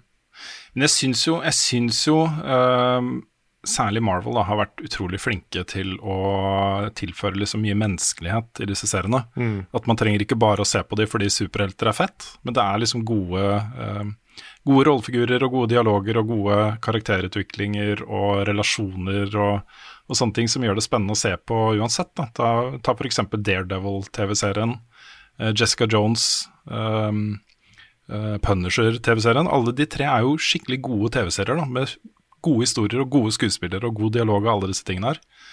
Uh, og um, jeg merker jo at jeg fortsatt ikke er lei av filmuniverset heller. Nå har jeg begynt å se opp igjen, da, for jeg hadde lyst til å få ungene interessert i dette her. Så jeg prøvde for en stund siden, og da var det for tidlig. Og så prøvde jeg igjen nå med Guardians of the Galaxy, og det var innertier. Det var kjempebra, så da så vi den, og så så vi oppfølgeren, da, Guardians of the Galaxy 2. Og så tenkte jeg ok, jeg får prøve oss på Infinity War og Endgame. Så vi så Infinity War, og det var også innertier. Men da begynte de å spørre altså I slutten av den så er det jo en henvisning til Captain Marvel-filmen. Så det var sånn Kan vi se den først? Og så skal vi gjøre det, da. Men så begynte vi også å snakke om uh, Antman. Å, kan vi se den først? så da har vi liksom gått litt tilbake i tid igjen, da. For å få litt mer sånn uh, eh, ballast inn i endgame. Så, så det er veldig, veldig kult. Uh, og jeg likte jo Jeg elska ikke, men jeg likte jo uh, Zack Snyders Justice League. Jeg syns det var, var bra. Jeg gleder meg til nye eh, Suicide Squad. Og det er liksom Jeg er ikke lei ennå. Jeg føler ikke at jeg er lei ennå. Fordi de har gitt så mange gode filmopplevelser og TV-opplevelser. Men nå, er jo, nå høres det ut som begge dere to er innenfor den eh, en gruppe som, som liker dette, og, og, som, og da sluker alt av det som er her. Eh, men spørsmålet er på en måte For de som ikke er det Fordi at jeg tror det er en del som er sånn som meg, som kanskje ikke føler at det er helt eh, Siden en har missa litt her og der, så er det å hoppe inn i en serie som bygger på alt dette her, er litt tungt. Ja da. Så Ja, da jeg, jeg blir jo det. et problem. Sånn, for, for, deg som er, for, de, for de som er engasjert, så er det sånn Yes, mer av dette. Men hvis du er litt ut forbi, så blir det at i stedet for at du prøver deg inn her, så ender du opp med å bare dette av, og da ikke ta deg igjen heller, for det blir så mye å ta igjen. Mm. Og da er jo en av problemene når du har eh, et så stort univers som bygger så mye på hverandre. Ja, ja, det er jo fordi eh, jeg har prata mye med Bjørn om Marvel-filmene, og han er ikke noe fan. Og det er litt, tror jeg, da, fordi han ikke har vært så opptatt av å se dem i rekkefølge. Han har ikke- vært så opptatt av å følge med. Han har bare sett dem som enkeltfilmer, og derfor ikke fått den samme opplevelsen som det noen som er oppdatert og som er fan, får. da. Og det er jo en issue. Men samtidig så er det sånn Jeg syns det Marvel-universet da, spesifikt er så unikt. Det er ingen andre som har prøvd seg på noe lignende før i film.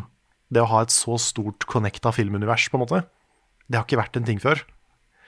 Så jeg syns på en måte det er kult, da. Jeg syns det er kulere enn enn at jeg syns det er et problem. Ja, for, for jeg er helt enig i at det de har fått det til her, er jo helt insane. Og det at de faktisk har klart å lage et så stort univers med filmer og serier, eh, som både klarer seg standalone, og som vil gi deg mer hvis du har på en måte fulgt med på hele historien.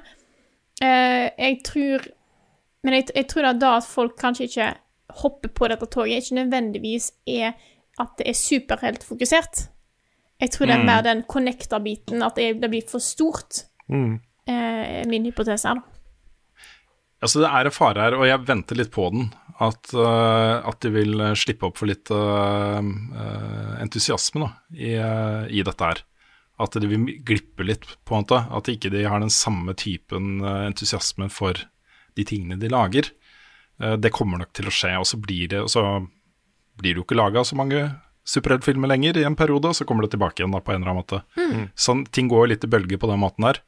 Men det de er fortsatt et stykke unna det punktet, altså. Når man ser en sånn TV-serie som WandaVision, f.eks., som jo isolert sett er en utrolig interessant måte å lage TV på. Også en, en veldig spennende og nyskapende måte å lage TV på.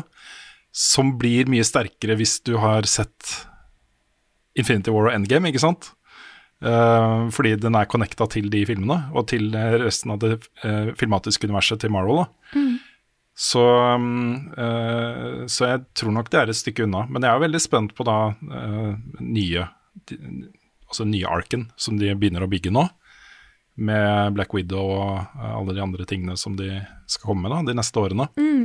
Det er ikke sikkert at det blir like sterke opplevelser som det vi har hatt i det som har kommet. Nei, det er vanskelig å følge opp eh, den eh, vet du hva er det for noe, 20-film-arken som endte med Endgame. For den, altså Endgame var fantastisk og var liksom en stor opplevelse for meg, da. Mm. Så det er vanskelig å fortsette etter den. Mm. Men jeg syns jo de har starta kult da med WonderVision og nå eh, Falcon og Winter Soldier, som bygger opp til et eller annet. Ja, ja. Ja, jeg har ikke begynt å se den ennå. Det er kanskje litt den der trettheten, at jeg føler ikke noe stort behov for å se den heller. Men eh, nei, nei jeg vet ikke. Nei, det, det, er, det er fortsatt veldig sånn tidlig stadie på den nye fase to, da, for å kalle det det. Mm. Altså den nye liksom, historien som begynner her. ja. Så eh, jeg vet ikke. Jeg, synes, eh, jeg er fortsatt veldig inne i Marvel-universet, men ellers er jeg nok litt forsynt på en del superheltfilmer. Det er ikke så mange utenom jeg ser lenger. Mm. Så har du jo også The Boys, da. Det må, jeg syns vi nesten må nevne The Boys her. Ja. Som en slags sånn der, um, alternativ måte å fortelle superhelthistorie på. Mm. Det er jo konge. Det er, det er lite jeg gleder meg mer til enn sesong tre av The Boys. Det, det de har bygd opp til der, og det de har fått til der, er jo dritbra. Mm. Det er Så- sant. Det er sant. Mm. Og så håper jeg jo at uh, nå som, uh, som disse oppkjøpene er ferdige og sånt, at vi kan få mer Punisher. Jeg vil ha mer Punisher også. Ja, det neste nå blir vel X-Men, tror du ikke det? At eh, de får X-Men inn i Marvel-universet? Sikkert. Sikkert. Det skal jeg ta et eh, spørsmål her, da. Gjør det. Kjør på. Dette tar jeg litt på grunn av innholdet i spørsmålet, litt på grunn av eh, det som er i spørsmålet. Eh, det er fra Tom Erik Nesse. Han spør Hei sann, hashtag gutta folkens og Frida. Takk for fantastisk innhold, for at dere er et lysglimt i disse duste tider. Jo, takk for det. Men et par spørsmål. Carl, når, når kommer Stengrad Norskop-sesong 3, The Revenge of Anne? Og blir det noen innspillinger av Hotell Buffkitten, som dere annonserte tilbake i sommeren 2018, eller noe sånt? Either way, takk for at dere er flotte folk. Hilsen Tom Erik Nesse. Og Carl, du skal få lov til å svare på dette først. Nei, etterpå. Men først Gutta folkens og Frida. Her må jeg ta et oppgjør. Fordi jeg er Altså, guttafolkens uh, entityen er jo alle. Det er alle. Ga- Alle er gutta folkens, og guttafolkens er alle. Og da inkluderer meg. Tenk, Så- tenker, du at, tenker, du at. Yes. tenker du at det er liksom gutta slash folkens? At det er sånn det funker? Uh, eh, nei. Jeg tenker eh, altså gutta folkens. Kanskje mer vekt på folkens enn gutta. Ja, ok, Ja. skjønner. Det er, det er bare oss, det. Yes. Og det er alle. Guttafolkens Det er stemning. alle. Yes. ja, nei, det er jo litt Men det er vel bare sånn at jeg òg er gutta folkens. Og dere som hører på, dere er òg gutta folkens. Så Ja. vil bare Du skal få lov å være gutta folkens, Frida. Takk. Det er viktig. i mitt eget eh, Jeg får lov til å ta del i min egen eh, skapte Ja, ting. ja den Men ja. kommer jo fra deg, Ja, til og med. Ja, faktisk. Mm. Yes. Men ja. Eh, Jeg, ehm, jeg kan jo svare først eh, sesong tre av eh, Noscope. Jeg har fortsatt ikke lyst til å lage sesong tre av Noscope, for jeg er så, jeg er så glad i den slutten som vi har. ja, Noscope Mm. kan være ferdig. Ja, jeg også er litt der, altså. For jeg syns på en måte karakterene fikk på en måte en sånn naturlig avslutning i den siste episoden, da. Men det kan jo hende at liksom karakterer fra Noscope dukker opp i andre ting, og det, Det- blir henvist til at de var med på Noscope. Det kan, kunne kanskje vært en ting. Og så, Mm. og så har jeg liksom noen sånne løse ideer til en epilog. Ja. Litt sånn eh, de møtes i, i Syden to år etterpå. Hvordan, hvordan har det gått med de, liksom? Åh, det er bare fordi du har lyst på en ny tur til Syden, da. Ja, det, det har jeg lyst på uansett. Altså, det, det, hadde vært, det aller beste hadde vært å slippe å filme noe, eh, og bare vært Ja. i Syden. Men, um, men nei, en litt sånn eh, reunion, kanskje, Ja. episode. Mm, ja, det hadde vært kult. Det hadde vært kult. Men uh, apropos The Revenge of Anne, da. Så var jo en, den originale ideen min for slutten på sesong to. Det var en post credit-sekvens hvor det viste seg at uh, da den bad guyen i sesong to, algoritmen, egentlig uh, kom fra Anne. Og at uh, det bare var et uhell. Så Anne hadde bare skrevet en feil i koden, så hun bare fiksa det, så sletter du algoritmen. Stemmer, da kan jeg vagt huske noe om. Ja, og det var, det var en sånn der, om en sånn derre 'jeg kommer tilbake, jeg dør ikke, for jeg er en algoritme', rrrr. men så bare ja, det var en skrivefeil, så det dreper Anne algoritmen. Det var på en måte en av ideene. Men uh, Anne var ikke gira på å være med så mye. Jeg tror ikke hun, hun er ikke så glad i å være med på filmting. Hun var så fin i sesong Hun var så bra i sesong én, så jeg ble veldig Jeg syns det var veldig synd. Ja. Men, uh, men ja, det er derfor hun bare har den lille, lille cameoen i sesong to. Skjønner. Den er fin, da. Den er fin. Den er veldig fin. Men litt sånn overbyggende, altså, vi, vi snakker jo om fiksjonsserier, og vi syns det er kjempegøy å lage det, og vi kommer nok til å lage flere fiksjonsserier. Vi har jo hatt liksom på blokka en litt sånn The Office-inspirert uh, greie om Buffkitten AS. Mm. Hotell Buffkitten kan jeg ikke huske. Ja, vi, ja, er- det var en ting vi nevnte som en sånn greie, liksom. Men uh, det kom jo fram noe på en uh, ny, nylig stream. Og det var jo at Nick sitter jo og har gjort det lenge, jobber med et manus med liksom level up cast, eh, litt inspirert av Community. Og da ble det sånn, vet du hva, det må du bare fortsette å skrive på, så lager vi en fuckings pilot. For det, altså, han er jo, han har studert film og har lyst til å jobbe med disse tingene og sånt, og det kan jo bli kjempebra. Tenk deg en Ja. sånn serie regissert av Nick Ja, ja. det hadde blitt uh, dritbra. Så eh, Det hadde det. Vi kunne kanskje til og med kombinert det med den der uh, Buffkitten Office-ideen. Prøvd å liksom lage, noe, lage noe sammenhengende der. ja, kanskje det. Nei, så vi, vi kommer nok til å, til å lage mer. Jeg, jeg tror eh, Vi er jo også i en sånn posisjon nå hvor vi kan ta de tingene vi har lagd, særlig da sesong to av uh, Noscope, og eh, kanskje prøve å grave fram litt penger på forhånd til en sånn produksjon. Hadde Altså, vært hyggelig å kunne gi skuespillere litt betalt og litt sånn. Ikke sant? Mm. Ikke sant. Så, så det håper jeg blir, blir noe av etter hvert også. Mm. Jeg har lyst til å ta bare et eh, kjapt spørsmål. Vi må runde av hvert øyeblikk. Ja. Men jeg kan ta et eh, kjapt et her. Fra eh, herlig Nikke. Worship the Sofa på Discord. Discord-kanalen vår.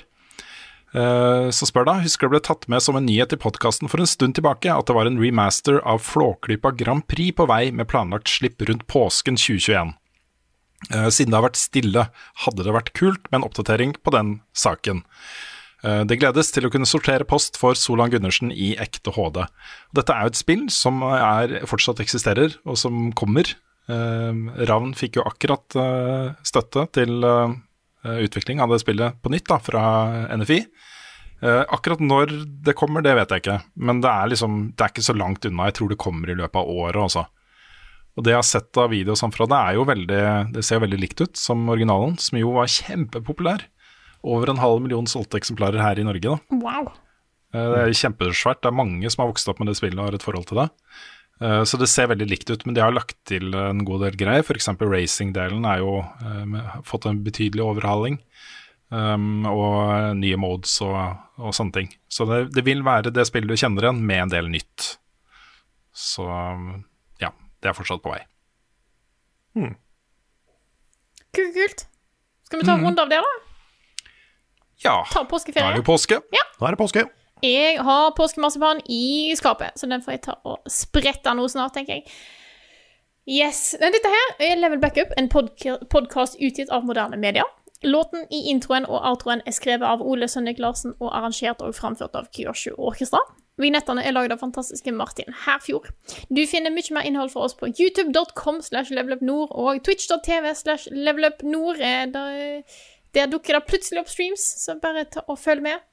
Og vi har en shop, shop.spreadshot.no slash levelupnorge, og en discord, discord.gg slash levelupnorge. Så ta sjekk det ut. Eh, I hvert fall discorden vår, så er det masse liv i, så bli med. Det er kos. Og støtt oss gjerne på patreon.com slash levelupnorge hvis du har lyst til å støtte oss og hjelpe oss med å lage, fortsette å lage high quality content. Eh, Den høyeste qualityen. faktisk. Jeg vet ikke helt Hashtag content. Yes.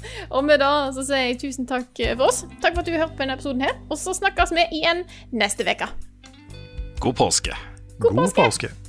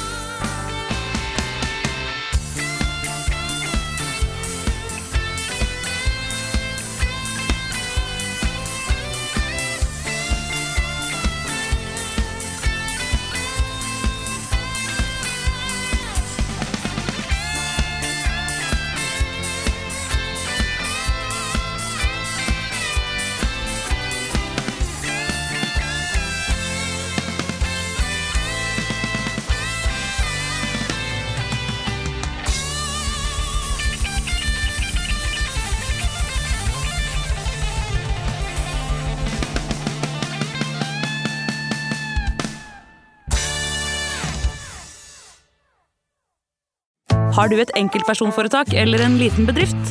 Da er du sikkert lei av å høre meg snakke om hvor enkelt det er med kvitteringer og bilag i fiken, så vi eh, gir oss her, vi. Fordi vi liker enkelt. Fiken superenkelt regnskap.